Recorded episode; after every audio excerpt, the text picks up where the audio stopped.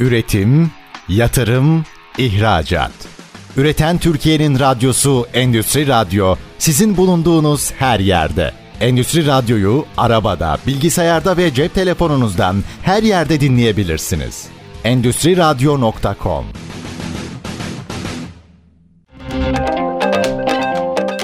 Salih Çaktı'nın hazırlayıp sunduğu Startup Dünyası programı başlıyor. Startup Dünyası'ndan herkese merhaba. Ben programcınız Salih Çaktı. Startup Dünyası'nda yaklaşık 13 bu zamana kadar 13 program yaptık. Herkese ilgisinden dolayı çok teşekkür ederim. Startup Dünyası'nın amacı yeni girişimleri, yeni startupları siz değerli dinleyicilerimize tanıtmak ve bu startupların sunduğu fırsatlar, yol haritaları ve girişimci olmayı onları iten sebepler nedir? Nelerle karşılaşıyorlar ve girişimci olmak isteyen insanlara önerileri nelerdir? Bunlardan bahsediyoruz. Bugün Fuska Handmade Ceramics kurucusu Büşra Yıldırım bizlerle. Büşra Hanım merhabalar, hoş geldiniz. Nasılsınız? Merhaba, hoş bulduk. Teşekkür ederim. İyiyim, sağ olun. Siz biraz tanıyabilir miyiz? Üniversite döneminden başlayan bir aslında bir gelişim var. Bir ilerleyen süreçte de kendi atölyenizi kurdunuz ve handmade seramik olarak nitelendiriyoruz değil mi? Yapmış olduğunuz işi. Evet, evet doğru. Ee, ben küçük yaşlarda sanatla tanıştım. 13 yaşında tesip sanatıyla tanıştım. Hı. Daha sonra önce alaylı olarak sonra da akademik olarak eğitim aldım. Marmara Üniversitesi Güzel Sanatlar Fakültesi Türk El Sanatları bölümü tesip minyatür ana sanat dalı evet. çıkışlıyım. Yalnız mezun olmamdan bir yıl kadar önce seramikle tanıştım ve seramiğe hayran oldum. Benim hikayem bu şekilde başlamış oldu. Seramik başta çamura şekil veriyorsunuz sonra onu pişiriyorsunuz değil mi? Ve sonra boyaması var. Evet evet uzun kadarıyla. meşakkatli bir yolu evet. var seramiğin. Sabır isteyen ee, bir iş. Sabır isteyen bir iş. Eski kadim bir Hı. sanat. Onun kadim sanatın günümüze biraz uyarlanmış, sentezlenmiş Daha halinin. modern diyelim. Evet o halinin üretildiği küçük bir atölyemiz var. Evet. Burada çalışmalarımıza devam ediyoruz. Peki Fuska'nın anlamı nedir? Ben gerçekten merak ediyorum. Fuska böğürtlen demek. Lazca böğürtlen demek. Hı. Tek S ile yazılıyor. Evet. Bizim markamızda iki S var. Karadenizler, Lazlar böğürtlene Fuska diyorlar. Evet. Fuska'nın ismi böyle. E, logomuzda da e, o zaman şimdi ben anladım logonuzdaki şey evet, böğürtlen. şu anda evet. e, şey yap. Doğru. Birçok insan yani üretmeyi çok seviyor ama üretirken sabırlı olmak gerçekten çok farklı bir şey. Yani bekliyorsunuz başında siz çamura toprağa şekil veriyorsunuz. Ya bunu yaparken ilham aldığınız şeyler nedir? Yani mesela bir fincan yapacaksınız ya da bir bardak ya da tabak yaparken ilham aldığınız şeyler neler? Çamurun malzeme itibariyle çok Hı-hı. bereketli bir havası var ve insanın başına oturduğunda kendini çok yaratıcı hissettiği Hı-hı. de bir yanı var. Ben bu işe çok hayran olarak başladığım için benim için tabii serüven biraz daha keyifli, biraz daha heyecanlı ve dinamik ilerledi. Fakat çok zor yanlarının olduğunu da söylemeliyim. Meşakkatli bir iş. Kısa sürede bir takım görsel sanatlara göre biraz daha kısa sürede ortaya iş çıkarabileceğiniz. Fakat işin tamamlanma sürecinin biraz kademeli olduğu bir zanaat. Önce çamura şekil veriyoruz. Ondan sonra kurumasını bekliyoruz. Ondan sonra pişiriyoruz. Kuruma süresi ne kadar burada? Kuruma süresi aşağı yukarı yani yani yapılan işin incelik ve kalınlığına göre 3 ile 7 gün arasında değişen havanın sıcaklığıyla Gerçekten da sabır gerek. biraz yani alakalı. Yani sürecini hızlandırmak için bir şey kullanıyor musunuz? E, kullananlar var ama bu çok tasvip edilmiyor. Çamuru yavaş yavaş kurutmanın Hı-hı. içinde oluşabilecek problemlere ve hatalara Hı-hı. daha e, mani olduğu düşünülerek bu çok tercih edilmiyor. Yani kendi akışında kuruması Hı-hı. daha Kurumadan çok tercih sonra pişirme süreci var bildiğim kadarıyla. Kurumadan sonra pişiriyoruz. Bisküvi dediğimiz pişirim yapıyoruz. Hı-hı. Bisküvi pişiriminden sonra da hazırladığımız artık biraz daha kemiksi Hı-hı. ve sağlam bir yapıya ulaşan noktada dekorlama ve sırlama aşaması Hı-hı. var. Dekor ve sırı da yaptıktan sonra ikinci kez sır pişirimi yapıyoruz. Sır pişiriminden de saatler sonra Hı-hı. çıkan ürün artık kullanılabilir. Son, final ürün oluyor. Evet kullanılabilir bir hale gelmiş oluyor. Üniversiteden önce başladığınızı söylediniz bu üretim yapmaya. O zaman hobi olarak herhalde başladı biraz. Evet ben tesip sanatıyla ilgilendim. Hı-hı. Çok küçük yaşlarda başlamıştım. Sonra akademik akademik olarak da aynı eğitimi aldım fakat muhabbetsiz işlerin çok da amiyane tabiriyle tıkırında gitmediğini Hı-hı. fark edince ve bu süre zarfında da seramikle karşılaşınca ben çok seramik yapmak istedim. Hı-hı. Çamura elimi değdirdiğim andan itibaren de evet o o şekilde devam etti. Şey söylüyorlar işte marifet iltifata tabidir, müşterisiz Hı-hı. metazayidir. Büyükler böyle söylemişler. Hı-hı. Bunu düşünmekle beraber çok da içime sindiremiyorum. Çünkü bence iltifat marifet iltifata Hı-hı. tabi değil değildir. İltifat arzu ederse marifetin peşinden gidebilir. Hmm. Bana biraz öyle geliyor. İlk başladığım günden itibaren ortaya koyulan her ürün bir şekilde iltifat buldu ve müşterisine ulaştı. Bir kadın girişimci olarak bahsetmek istediğim gerçekten canı yürekten bahsetmek istediğim şeyler var. İnsanların korkmadan, çekinmeden üretmek isteyen, üretmek isteyen ve ürettiği şeyleri sunmak isteyen insanların daha cesaretli olmaları sanırım onları biraz daha daha hmm, sabırla, azimle hareket etmeleri evet, gerekiyor. Peki evet. siz bu cesareti nereden yakaladınız mesela ya da başkaları nereden yakalıyor? Benim işim biraz daha şanslıydı çünkü ben cesareti içimdeki muhabbetten buldum.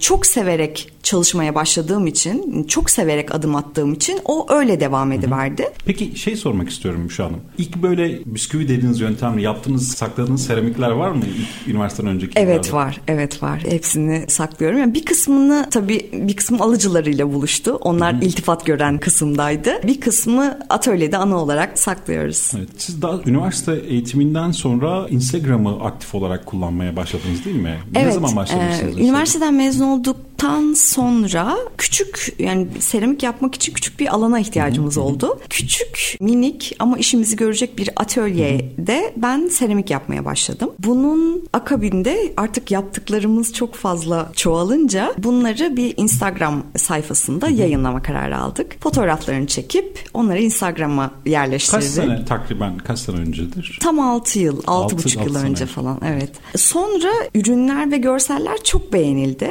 Sonra bize yazanlar, ulaşmak isteyenler, ürünün satışta olup olmadığını soranlarla beraber devam eden bir süreçte Fuska şu anda bulunduğu durumda biraz daha fazla ilerleyerek mevcut yani, yerinde. E, normal üretim yapıyorsunuz sonra dijital kanallardan Instagram'ı kullanıyorsunuz. Instagram'la birlikte bir de web siteniz var. E-ticaret ve pazar yerlerini aktif olarak kullanıyorsunuz. Evet, evet. Instagram'dan sonra bir web sitesi hazırladık. Hı-hı. Çünkü biraz talep bizim oradan yönetemeyeceğimiz Hı-hı. hale hale geldikten sonra bir web sitesi kurduk. Web sitesinde ürünlerin hepsi sergileniyor. Onun haricinde Türkiye'de çok popüler olan pazar yerlerinde varız. Yurt dışındaki pazar birkaç pazar yerinde varız. Onun haricinde de şey insana çok keyif veriyor. Bir yolculuk yaparken insanın geçtiği semtlerde, geçtiği şehirlerde burada da bir fuska ürünü var. Bu bu Çünkü evlerden birinde evet gidiyor. bu evlerden birinde fuska Sizin var. Sizin tabirinizde iltifata tabi şey, olan ürünler. Kesinlikle öyle öyle. Bu çok keyif verici. Motive eden ee, bir, bir şey de sizi. evet tabii sosyal medyanın ve internetin gücüyle yurt dışından da siparişler alıyoruz. Onlar da tasarım mağazalarında bizim ürünlerimizi satmak isteyen insanlar. Yurt dışında birkaç mağaza ve bize ulaşıp da özel sipariş vermek isteyen insanlarla da çalışıyoruz. Benim yani kendi tecrübelerime göre e, handmade el yapımı, e, bir emek verilen sanat ürünleri yurt dışında daha popüler. Daha çok önem veriliyor. Yani istediği fiyatı alıcı bulabiliyor diye evet, biliyorum. Evet, Peki, biraz öyle. E, Türkiye'de karşılaştığınız bu noktada zorluklar ne? Yani hani siz fabrikasyon yapmıyorsunuz. Evet. Ellerinizle şekil veriyorsunuz, evet. pişiriyorsunuz az önce hani ben ilk defa duydum 6-7 gün bekletiyor musunuz çamuru evet, falan evet. cidden sabır isteyen bir şey. Evet. Türkiye'de karşılaştığı, ürünün karşılaştığı şeyden memnun musunuz? Bu soru tam da biz Fuska'yı kurduğumuzda sevgili eşimle beraber o işin reklam, tanıtım dijital ve herhalde. dijital tarafıyla Hı-hı. ilgileniyor. Ben daha çok mutfak ve atölye Hı-hı. kısmındayım. Onunla bir niyetimiz vardı bu markayı kurduğumuzda. Biz yaptığımız, adım attığımız bu girişimcilik hikayesinde iki şeyi arzu ediyoruz dediğimiz şeyler vardı. Bunlardan birincisi memnun olmaktı. Her şarta ve her şeye rağmen memnun olmaktı. İkincisi de girişimimize ve ticaretimize herhangi bir riyanın karışmamasıydı. Hı hı. Amacımız ilk aşamada bu olmuş olduğu için ben bu gidişattan memnun muyum, memnun değilim desem biraz haksızlık etmiş olurum. Hı hı. Evet Türkiye'de el yapımı ürünlere karşı gösterilen ilgi alaka biraz az olabilir. Maddi karşılığını çok bulamıyor olabilir. Ama yaptığım, çalışmaya başladığım ilk günden beri e, satılan her ürünümün, tüm ürünlerimin Sanki satılmış şey olmasının... Yani sizin bir parçanız Ankara'ya gitti, sizin bir parçanız Zonguldak'a gitti evet, gibi Evet, biraz öyle, biraz öyle. Ve bunların satılmış olması da aslında Türkiye'de el yapımı ürüne insanların ilgisinin hiç de az olmadığının bir kanıtı. Evet. Biraz karakter olarak da böyle karamsar alanlarda çok dolaşmayı sevmediğim için evet bu ilgi yurt dışındaki gibi değil, Avrupa'daki gibi değil. Girişimlerde her girişimcinin kendine ait bir motivasyon kaynağı var ama siz el yapımı olduğu için zaten çok farklı bir motivasyon kaynağınız var. Peki konuk aldığım her girişime mutlaka soruyorum. Kuruluş döneminde işte yani e-ticaret olsun, Instagram olsun, ilk otelli olsun karşılaştığınız zorluklar oldu mu belli çapta ve bunları nasıl çözdünüz? Evet oldu. Tabii konuk e, dinleyicilerimiz görmüyor. Şu anım gözler açıldı. Başlayacak şu anda anlatmaya. evet aslında şöyle oldu. Bir de kadın ee, girişimci olmanın bir zorluğu da var değil mi Türkiye'de? Aslında sosyal olarak kadın girişimcilerin desteklendiği noktalar var. Fakat bizim hikayemiz böyle çok can yürekten çok samimi bir şekilde başladığı için resmi prosedürler noktasında herhangi bir destek almadım. E, bizim markamızın şöyle bir yanı var. Sermayesiz başlayan bir markaydı evet. Fuska. Sermayesiz başlayıp ürettiği şeylerle... Yatırım almadan sermayesiz Evet yatırım başladınız. almadan başladı. Bu bir başarı sayılırsa Fuska'nın başarısı bu olabilir. Peki şey tarafında ben şunu da öğrenmek istiyorum. Üniversitede aldığınız eğitimden önce siz girişimciliği aslında hobi olarak da olsa başladınız. Aldığınız eğitim farklı alanlara seramiye size itti ama aklınızda farklı şeyler oldu mu hiç? Yani ben şunun eğitimini aldım, lisans eğitimini aldım bunu da mı yapsam dediğiniz şeyler oldu mu? Programın başında bahsettiğim muhabbet eksikliği olduğu zaman insanın çok fazla yol yürüyemediğini ben kendi adıma tecrübe ettiğim için aldığım eğitimin mevcut işimde beni motive mi etmedi? Beni çok rahatlattığı ve işimi kolaylaştırdığını söyleyebilirim. O manadaki ilim noktasında da hiçbir şey zayi Aslında olmuyor galiba. Aslında siz önce alaylı oldunuz ve daha sonra direkt eğitimini aldınız ve öyle devam ettiniz. Evet. Aslında birçok girişimci de yani alaylı olarak başlıyor ve daha sonra kendisi işletmesini geliştirmeye devam ediyor. Peki Instagram hikayeleriniz mutlaka çok fazladır. Onlara ikinci bölümde geçeceğim. Şu anda mesela bir ortamda şey şu mutlu ediyor mu sizi? Fuska dediğiniz zaman aa ben Fuska'yı biliyorum. Evet, Instagram'da çok, karşılaşmıştım, çok, görmüştüm. evet. Ee, Bu çık- sosyal çevremizde de oluyor. Hı-hı. Ailemizin kanalıyla bize sizin kızınız mıydı? Fuska işte şu muydu denildiği zaman. Bunlar çok keyifli şeyler. Çünkü seramik seramik her zanaatte olduğu Hı-hı. gibi çok fazla emek verilmesi gereken bir iş. Bu emeklerin karşısında böyle iltifatlar, böyle hoş geri dönüşlerin olması tabii Hı-hı. ki çok güzel. Instagram'da aldığınız böyle çok farklı mesajlar yani Instagram'ı yönetirken insanları tanımanız Instagram vasıtasıyla bir nevi. Evet, evet. Oldu. Yani aslında şöyle diyelim Instagram yapmış olduğunuz ürünlere bir ışık tuttu, dijital bir ayna tuttu. Evet. Instagram vasıtasıyla aldığınız ilginç mesajlar var mı? İnsanlara oradan ulaşırken ya ben mesela şunu anlamıyorum. Genellikle insanlar altına şey yazıyor. Fiyatı nedir diye soruyor insanlar. İşte DM'den cevap verilmiştir. Evet. diye kimse fiyat sanki çok gizli evet. saklı bir şeymiş gibi kimse söylemiyor. Evet hakikaten öyle ama Instagram'ın ilk çıkış anında onun ticari bir platform olmamasıyla alakalı bir şeydi galiba bu ve insanlar bunu çok şık görmedikleri için böyle bir metoda girdiler galiba. Aldığımız ilginç mesajlar oldu. Şeyler aklıma gelen bir tanesini paylaşayım. Bir takipçimiz bizim ürünlerimizden bir tanesini fotoğrafını bize göndererek yine DM yoluyla hı hı. arkadaşına göndermek istemiş fakat yanlışlıkla bize göndermiş hı hı. ve altında şöyle bir mesaj yazıyordu bizim ürünlerimizden birinin altında. Şahane işler yapmışlar. Kesinlikle bunun aynısından yapmalıyız diye bir mesaj almıştık mesela. Buna verdiğimiz cevapta e, kesinlikle yapmalısınız. Bu ürünler çok satılıyor oldu. Startup Dünyası'nın birinci bölümü burada sona erdi. Fuska Handmade Ceramics kurucusu Büşra Yıldırım konuğumuz. İkinci bölümde görüşmek üzere. Üretim, yatırım, ihracat. Üreten Türkiye'nin radyosu Endüstri Radyo sizin bulunduğunuz her yerde. Endüstri Radyo'yu arabada, bilgisayarda ve cep telefonunuzdan her yerde dinleyebilirsiniz. Endüstri Radyo.com Startup dünyasından herkese tekrar merhaba. Programımızın ikinci bölümü başladı. Ben programcınız Salih Çaktı. Fuska Handmade Ceramics kurucusu Sayın Büşra Yıldırım bizlerle. Büşra Hanım tekrar merhabalar. Hı. En son Instagram'ı kullanıyorduk. Şimdi Instagram sizin yapmış olduğunuz çalışmalara bir ışık tuttu. Bir dijital bir ayna görevi gördü ve kendi müşteri toplumunuza erişmiş oldunuz tüm Türkiye'den ve dünyadan topluma evet. erişmiş oldunuz. Hatta güzel bir anekdot anlatmıştınız programın ilk bölümünün sonlarına doğru. Peki Instagram'dan sonra da artık daha sipariş süreçlerinizi daha değerli toplu işlemek için bir internet sitesine ihtiyacınız duyduğunuzu söylemiştiniz. İnternet sitenizi kurdunuz evet. ve oradan da çalışmaya devam ettiniz. Peki siz işin sanat tarafındasınız. Aslında bir aile şirketisiniz. Eşiniz işin dijital tarafını yönetiyor. Evet doğru. Bir sipariş geldiği zaman ondan sonraki süreç nasıl işliyor? Yani sipariş geldikten sonra mı üretmeye başlıyorsunuz ya da stoktan mı veriyorsunuz? Bunu artık 6. yılın sonunda edindiğimiz tecrübeler ve aksaklıkların sonunda bir sisteme oturtmak mecburiyeti tabii ki doğdu. Sitede satılan ürünleri stoklu tutmaya çalışıyoruz. Hı hı. Sipariş geldiği zaman da stoğundan siparişi şey yapıyoruz. Özel sipariş olarak talep geliyorsa eğer onlar özel görüşmeler neticesinde işte bir şu sürede hı hı. tamamlanabilir. Bu proje bu kadar sürede hallolabilir diye. onlar da özel siparişlerin kendi akışıyla gerçekleşiyor. Ama Fuska'nın internet sitesinde hı hı. ve Instagram mağazasında ve diğer pazar yerlerinde de mevcut ürünlerinin hepsini stoklu olarak bir kenarda tutuyoruz. Bir de yani kırılan bir malzeme olduğu için ben geçen gün internet üzerine görmüştüm. Bir bisiklet satıcısı kargoda ürünleri kırılıyormuş. Daha sonra bisiklet kolisini televizyon kolisine dönüştürüyor. Dikkat kırılır şeklinde.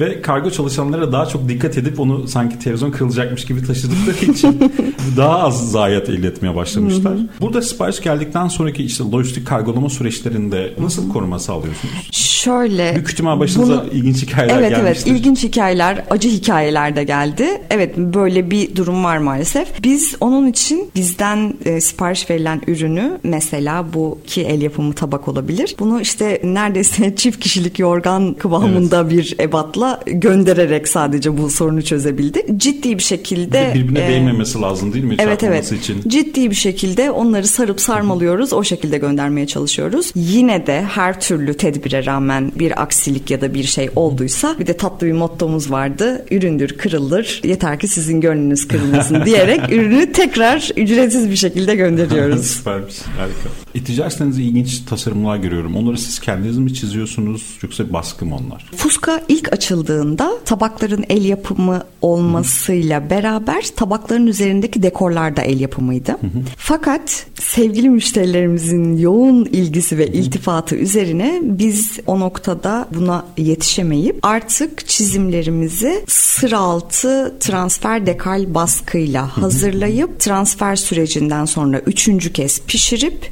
ürünleri o şekilde hazırlıyoruz. Tekrar yine bir pişirme süresi. Evet, evet. Bununla beraber pişirme süresi 3 oluyor. Hedef kitlenizi düşündüğünüz zaman mesela aklınıza farklı fikirler geliyor mu ya da internet üzerinde gerçekleştirmek istediğiniz farklı fikirler, projeler var mı? Farklı projeler var. Ee, bizim ürünlerimizde en çok sevilen ürünlerimizde bir altı farklı konseptimiz var. Hı. Bu altı farklı konseptin belki ileride küçük evleri, hı hı. E, insanların gidip kalabileceği küçük evleri, küçük bahçeleri ve o evlerin içinde de fuskanın seramiklerinin olduğunu hayal ettiğimiz o küçük bir, bir yapı yaşam var. Alanı evet evet o fikriniz evet, var. Evet çok doğru. Peki mesela özellikle fincanları ben farklı olduğunu düşünüyorum. Ürünü tasarlarken mesela fincanın iki tane kulbu varsa, kulbu varsa eğer. Hı hı. Bu nereden bunu ilham alıp oluşturuyorsunuz ya da beslendiğiniz şey ne tam olarak? Yani kendi hayal gücünüz mü ya da bir şey görüyorsunuz ya ya bu daha farklı olabilirdi mi diyorsunuz? Bir şeyin üzerine mi inşa ediyorsunuz? Biraz kullanım açısından uygunluğu tabii o esnada siz ürünü tasarlarken hı. bir söz sahibi oluyor. Yani arzu ettiğiniz her şeyi tam anlamıyla ürünü aksettiremiyorsunuz. Çünkü ürünün belirli bir kalınlıkta olması gerekir ki o pişmesi gereken seviyede rahatça pişebilsin diye. Bunun gibi teknik meseleler tabii ki ürünü tasarlarken ben buradayım diyor. Ama onun haricinde tasarım konusunda ben hiç kendimi bir sanatçı edasında görmedim. Ben bir zanaatkarım ve tüm sanatçıların da kainattaki sanattan etkilenip de onları zihinlerinde besleyerek ve geliştirerek ortaya koyduklarını düşünüyorum. Dolayısıyla ilham aldığım şeyi özet olarak soruyorsanız o benim gönlüm ve zihnimle evet. el koordinasyonuyla beraber birleşen bir kısım olmuş oluyor. Ee, ürün bir de çamur olduğu için kimyasal da barındırmıyor değil mi? Yani onun mutfakta kullanımı ile ilgili vesaire. Evet kimyasal barındırmıyor. Kimyasal olan çamurlar değil de kimyasal olan sırlar var. Seramik üzerindeki o camsı, parlaksı ve onu sıvıya karşı mukavemetini sağlayan yani tabirle boyası. Fakat onlar da endüstriyel ürünler dediğimiz mutfakta kullandığımız gıda kullanımında olan ürünlere uygulanmıyor zaten. Hı hı. Daha çok içinde kimyasal olan sırlar, kurşun olan sırlar dekoratif objelerde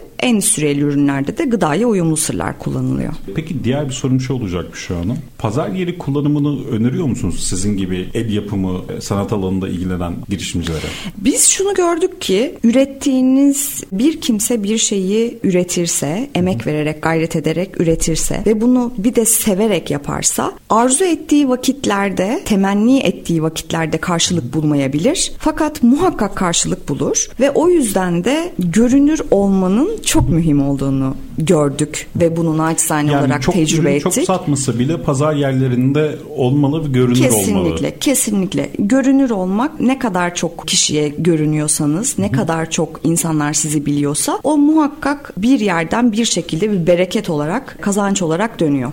Girişimcilikte olmazsa olmaz şeyler nedir sizce? Mesela e, motivasyonu çok güzel anlattınız. Nasıl motive olduğunuzu anlattınız. İşin sabır kısmı var. Evet. Bir girişim maddi olarak para kazanmalı ki daha çok motive olsun. Bu tür kısımlar var. Hı hı. Sizce olmazsa olmaz şeyler nedir girişimci? Yani bir kadın girişimci olarak. Bizim hikayemizde olmazsa olmazlar, olmaz denilenler hep oldu. Benim hikayem o yüzden biraz farklı.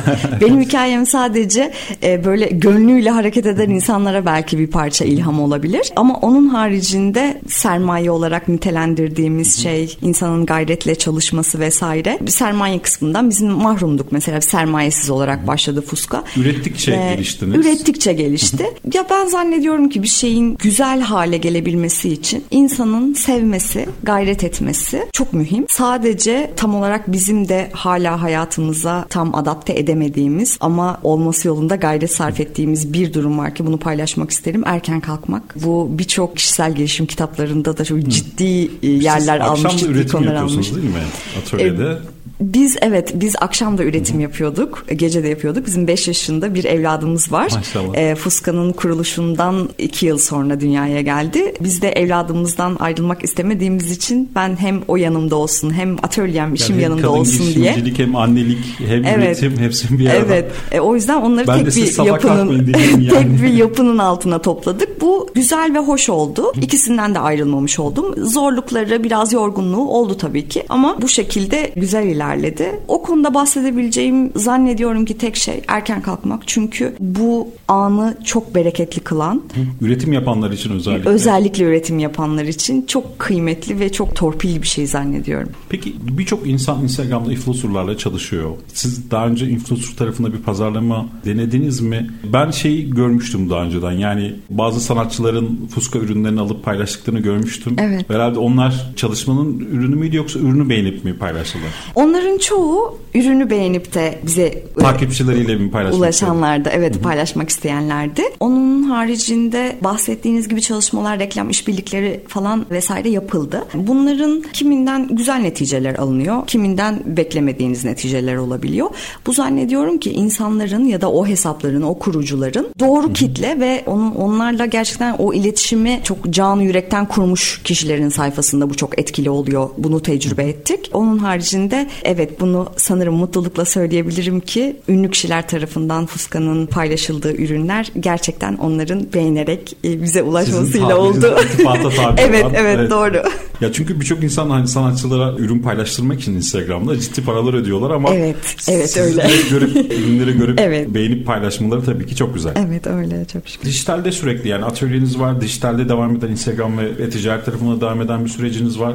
Peki yani öğrendiğiniz şeyleri insanlara aktarma yönünde bir çalışma yapıyor musunuz? Evet, Fuska Atölyesi'nde hobi kursları diye bir alanda açmıştık. Fakat bu üretim yoğunluğuyla çok sağlıklı bir şekilde yürütemediğimiz bir noktaya gelince... Sağlık zamanlarım var mı yoksa? Evet evet. Sonra biz dedik ki profesyonel olarak eğitim almak isteyen, işin teknik kısmını öğrenmek Hı-hı. isteyenlerle beraber bir aylık çok yoğunlaştırılmış bir seramik eğitim programı yani e, ortaya çıkardık. Yani yetiştireceksiniz yani sıkıntı görmüyorsunuz gibi.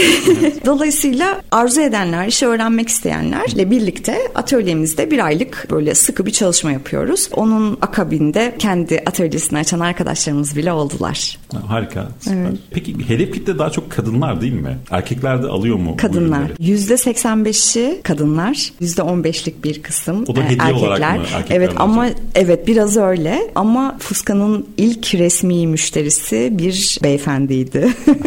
Hatta sonra onu ulaşmayı denemiştik. İlk müşterisi erkekti evet ama çok büyük bir takipçi kısmı kadınlardan evet. oluşmakta. Ee, Büşra Hanım şimdi Türkiye'deki COBİ'lerin hemen hemen en son konumuz Abdülkadir Bey'di. COBİ destek uzmanı o da bahsetmişti. Siz işin üretim tarafındasınız. Eşiniz dijital süreçleri yönetiyor. Evet. Burada senkronize olmakla alakalı bir problem yaşadınız mı? Direkt ilk başta Yaşadık. e, Evet net bir şekilde yaşadık. görev tanımları vesaire. Buradaki süreç nasıl oluştu ve insanlara bu noktada öneri ve tavsiyeleriniz nedir? Eşlerin birbirleriyle beraber çalışması biraz zor. Onun yanında çok keyifli yanlarının da olduğu, insana kendini özgür ve rahat hissettirdiği yanları kesinlikle var. Ama bizim girişimimizde her şey böyle kervanda yolda giderken yapılmaya çalıştığı için o da zamanla kişiler artık vazifelerini doğal olarak tayin etmiş oluyorlar. O dijital pazarlama ve reklam kısmında ben daha ziyade mutfakta Üretim e, aşamasındasın. üretim aşamasındayım. Birkaç bize yardım eden arkadaşımız var. Instagram hususunda, pazar yerlerindeki satışlar hususunda. Dışarıdan aldığımız desteklerle beraber yürümeye çalışıyoruz. Bir de yurt dışına satış için özellikle farklı pazar yerleri son dönemlerde çok aktif kullanıyor. Sizin Etsy'yi aktif olarak kullandığınızı biliyorum. Startup Dünyası ikinci bölüm sona erdi. Üçüncü bölümde Fuska kurucusu Büşra Yıldırım'la konuşmaya devam edeceğiz. Üretim, yatırım, ihracat. Üreten Türkiye'nin radyosu Endüstri Radyo sizin bulunduğunuz her yerde. Endüstri Radyo'yu arabada, bilgisayarda ve cep telefonunuzdan her yerde dinleyebilirsiniz. Endüstri Radyo.com Startup Dünyası'ndan herkese merhaba. Ben programcınız Salih Çaktı. Fuska kurucusu Sayın Büşra Yıldırım'la birlikteyiz. Büşra Hanım tekrardan merhabalar. Yeni ürün üretme planlarınız, fikirleriniz var mı? Yani daha çok mutfağa yönelik ürünler üretiyorsunuz. Mesela bahçe için ya da evin farklı şeyleri için. Çünkü ham maddeniz toprak olduğu için siz fikriniz, iş dünyanız, hayal gücünüz nasıl şekilleniyorsa çıkan ürün de buna göre şekil alıyor. Evet. Farklı hedefleriniz var mı ürün gamında? Ürün gamında farklı hedeflerimiz var. Onun yanında ürün çeşitliliğimizi artırmak gibi bir planımız var. Çünkü Fuska'nın tabakları, tırnak içinde Fuska'nın tabakları diyebileceğimiz bir seviyeye ilerliyor gibi hissediyoruz. Dolayısıyla o tabak çeşitlerinin daha çok kişiye hitap edebilmesi için yeni tasarımlarını yapmayı planlıyoruz. Onun haricinde Lafınızı böldüm. Buyurun. Şimdi programın ikinci bölümünde şeyden bahsetmiştik. E, üzerindeki baskılar normalde hani tabaklar handmade baskılarda elinizle boyadığınız ilk dönemlerde ama talep çoğalınca şeyden korkuyor musunuz yani çok fazla talep gelecek ve ben buna yetişemeyeceğim. O zaman üretim mi yap farklı bir şekilde mi bu talebi karşılamalıyım diye. Yani talebe yetişememe durumunda bir yol haritanız var mı? ta- Korktuğunuz bir şey mi bu? el yapımı ürün üreten insanların hep içinin bir kenarında olan bir korkudur bu. Bunu evet zaman zaman yaşıyoruz ama işleri hızlandırmak adına, işleri belirli bir rutine koymak adına çok fazla ilerleyemiyorsunuz. Çünkü yaptığınız şey el yapımı. Bir süresi var. O süreyi ne yapsanız da belli bir Ben limitin ürün- altına düşüremiyorsunuz. Zaten ürün değerli kılan şey de bu değil mi? Yani Biraz evet. Kendi sorumu evet, biraz şey kıyım- yaptım ama. e, Evet, ezmiş hakikaten oldum. öyle. Hakikaten öyle. Dolayısıyla bu ürünün üretilmesinin bir süresi var. Bu el yapımı bir ürün. Bunun üzerinde emek var, gayret var, el izleri var, parmak izleri var. Dolayısıyla bu kadar sürede bu kadar ürün çıkartılabilir. Bu kısmı genişletmek için daha geniş bir ekiple çalışmak bir fikir olabilir. Ama bunun da çok ötesine gidilemez. O zaman zannediyorum ki o üründeki parmak izleri azaldıkça onun fabrikasyon hale havası ve ve duygusu düşecek sanıyorum belki. değişir. Evet, Evet. Farklı ürünler bir röportajınızda ben şey görmüştüm. Bu bahçeler için bir şey üretmek istediğiniz saksı farklı şeyler vardı.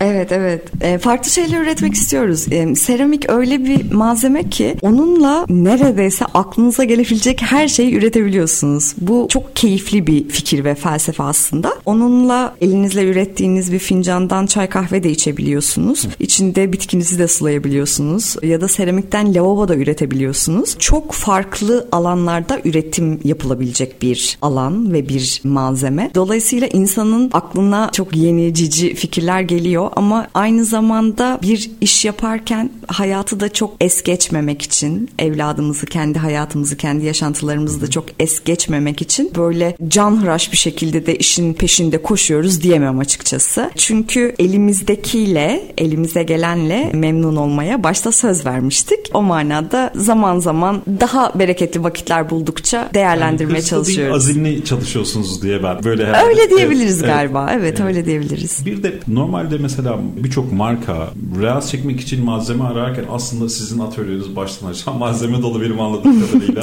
Evet öyle. Ee, orada farklı e, hikayeler oluşturabilirsiniz, görsel hikayeler. Programın ilk bölümünde şeyi konuşmuştuk. Yani handmade ürünleri, el yapımı ürünler yurt dışında çok daha fazla rağbet görüyor. Evet. Bunun da dünyadaki herkesin bildiği bir pazar yeri var. O da Etsy aslında. Hı hı. Markalar Etsy'de başarılı olmak için ürünlerini direkt fotoğraf çek, altına bir açıklama yap yetmiyor. Hı hı. Çünkü o ürünün hikayesini de satmanız gerekiyor. O ürünün iltifat alması için o ürünün ne zorluklardan geçtiği, yapılış hikayesi, ürünün hikayesi, işte atölyede nerede nasıl başlıyor, aşamaları vesaire hı vesaire. Bunları da insanlar grafiklerle anlatıyor ki daha çok kişiye ulaşsın. Evet. O ürün istediği ilgiyi alsın. Hı hı. Herhalde bu noktada sizin gibi el yapımı üretim yapanlar, sanatsal üretim yapanlar herhalde ben Etsy'de daha şanslı olduklarını düşünüyorum açıkçası. Evet kesinlikle öyle. Bu söylediğiniz doğru ama bunun yanında da artık internet üzerinden satış yapmanın çok fazla parametresi doğmaya başladı. Ürün çok başarılı olabilir, çok kaliteli fotoğrafları olabilir. Yapılması gereken, öngörülen tüm şeyler yapılmış, hazırlanmış, paketlenmiş olabilir. Fakat istenilen, arzu edilen bir noktaya gelemeyebilir. Bunun tam tersi olabilir. Çok garip ürünler, çok garip pazarlama yöntemleriyle çok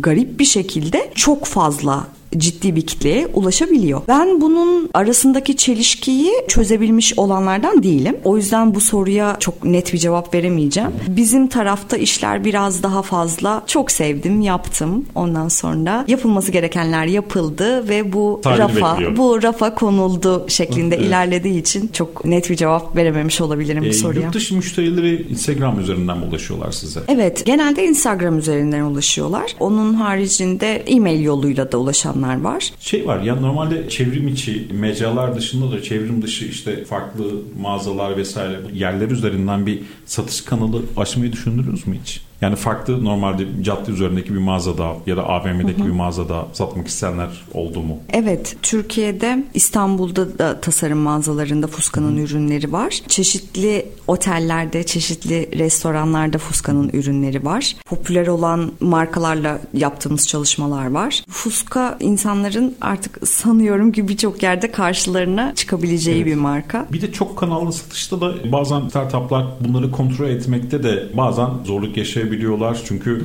hani sipariş geliyor vesaire ama siz üretim aşamasında olduğunuz için işin bu kısmı zaten Zahife evet, üzerinde evet, Zahife tahmin üzerinde. Ediyorum, tahmin ediyorum. Yurt dışında mağaza açmak gibi bir hedefiniz var mı? Ya da kendi Fuska mağazasını açmak gibi bir hedefiniz var mı ilerleyen dönemlerde? İşe İlk başladığım zamanlarda vardı. Markanın çok ileri gidebileceği, çok büyüyebileceği vesaire. Ama ben zamanla gördüm ki bu yoğunluk ve bu gidişat benim karakterim için çok da hoş ve rağbet gösterilebilecek bir durum değilmiş gibi geldi. Dolayısıyla hep bir butik kalmasının, Hı. özel kalmasından yana gönlüm. Hı. O yüzden o manadaki az çoktur bir takım, aslında diyorsunuz. Evet evet, evet. O, o manadaki bir takım hayaller ve temenniler zamanla biraz değişikliğe uğradı. Yani zamanla evet birçok girişim iş fikrini pivot edebiliyor, farklı yönlere çekebiliyor. Peki ilerleyen dönemlerde sadece dijital kanallar üzerinden mi? Yani e-ticaret Instagram üzerinden mi kalmayı düşünüyorsunuz? Farklı projeler var mı? Bir de mesela ben şeyi çok merak ederim. Yani bir GoPro ile işte o çamuru yoğururken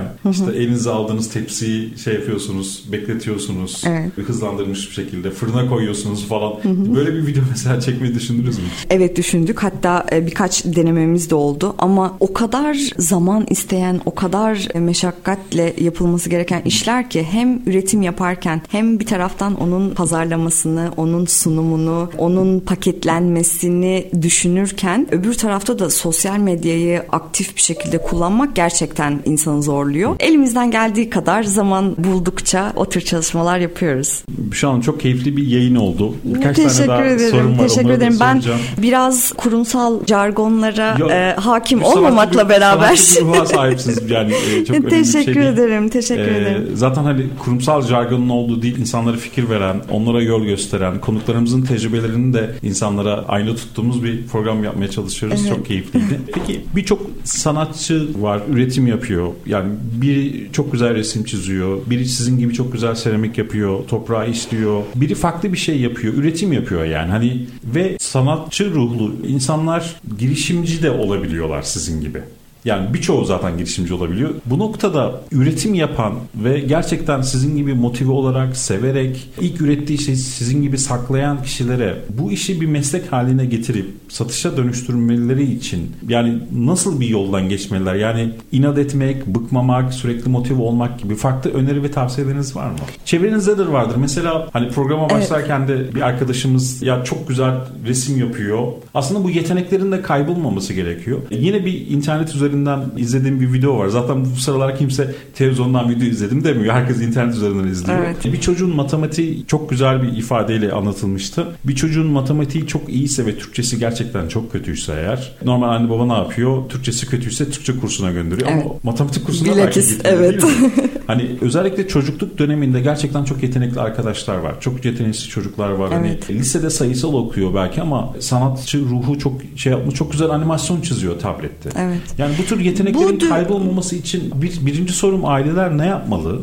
Hı hı. İkinci sorum bizi dinleyen bu tür yetenekli arkadaşlar varsa ticarette atılıp bunu meslek haline getirip ve hayatları boyunca zevk aldıkları işi evet. yapmaları için neler yapmalılar? Evet. Bu hali hazırda tamamen düzeltilebilir bir mevzu mu bunu bilmiyorum. Çünkü biz bir sistemin içindeyiz. Bir eğitim sistemimiz var. Biz bu sistemin içinde okuduk, öğrendik. Fakat herkes gibi, çoğu insan gibi ben de yıllarca emek vererek ilerlediğim yoldan başka bir yola Siz 13 yaşında başlamıştınız saptım. değil mi? Evet, evet. Bu her herhalde zannediyorum ki sistem içinde çok da mümkün olmayan, çok da çözümü olmayan sistem değişmediği sürece olmayan ama ailelerin kişisel farkındalıklarıyla evlatlarına yön verebileceği ve biraz daha ileriye taşıyabileceği bir mevzu zannediyorum. Onu anneler babalar hakikaten şey yapabiliyorlar. Gözlemleyebiliyorlar. Evladıyla o güvenli bağı kurmuş insanlar bunu hakikaten gözlemleyebiliyorlar ve o noktada da ellerinden geldiği ölçüde, ellerinden geldiği nispette bir yönlendirme şeyine gidiyorlar. Ama benim de içinde tecrübe hissettiğim bir şey oldu. Yeteneği olan çocukların yeteneği oldukları işlerde ilerlemeleri gerektiği fikrinin çok da doğru olmadığını çünkü asıl olan ve insanı ileriye taşıyacak olan şeyin içindeki aşk olduğunu düşünüyorum. Dolayısıyla hem bununla beraber hem de biraz herhalde gönül dinlemek faydalı olabilir. Onun haricinde sermayesiz bir şekilde bir marka kurmuş, giriş girişimci bir kadın olarak ilgisi olan ve böyle bir adım atmak isteyenler de naçizane şunu söyleyebilirim. İnsanın içinde muhabbet ve elinde de gayret, gönlünde de sevgi solmadığı sürece bunun içine erken kalkmayı da dahil edersek evet. vaktini iyi kullandığı sürece iyi kullandığı sürece herkes her şeyi gönlünde olanı başarabilir. Ortaya koyduğu şey muhakkak ve muhakkak muhatabını ve iltifat göstericisini bulur diye düşünüyorum. Çok teşekkür ederim. Çok keyifli bir Rica yayın ederim. olmuş hanım. Çok sağ olun. Startup dünyası burada sona erdi. Önümüzdeki hafta görüşmek üzere. Herkese iyi çalışmalar,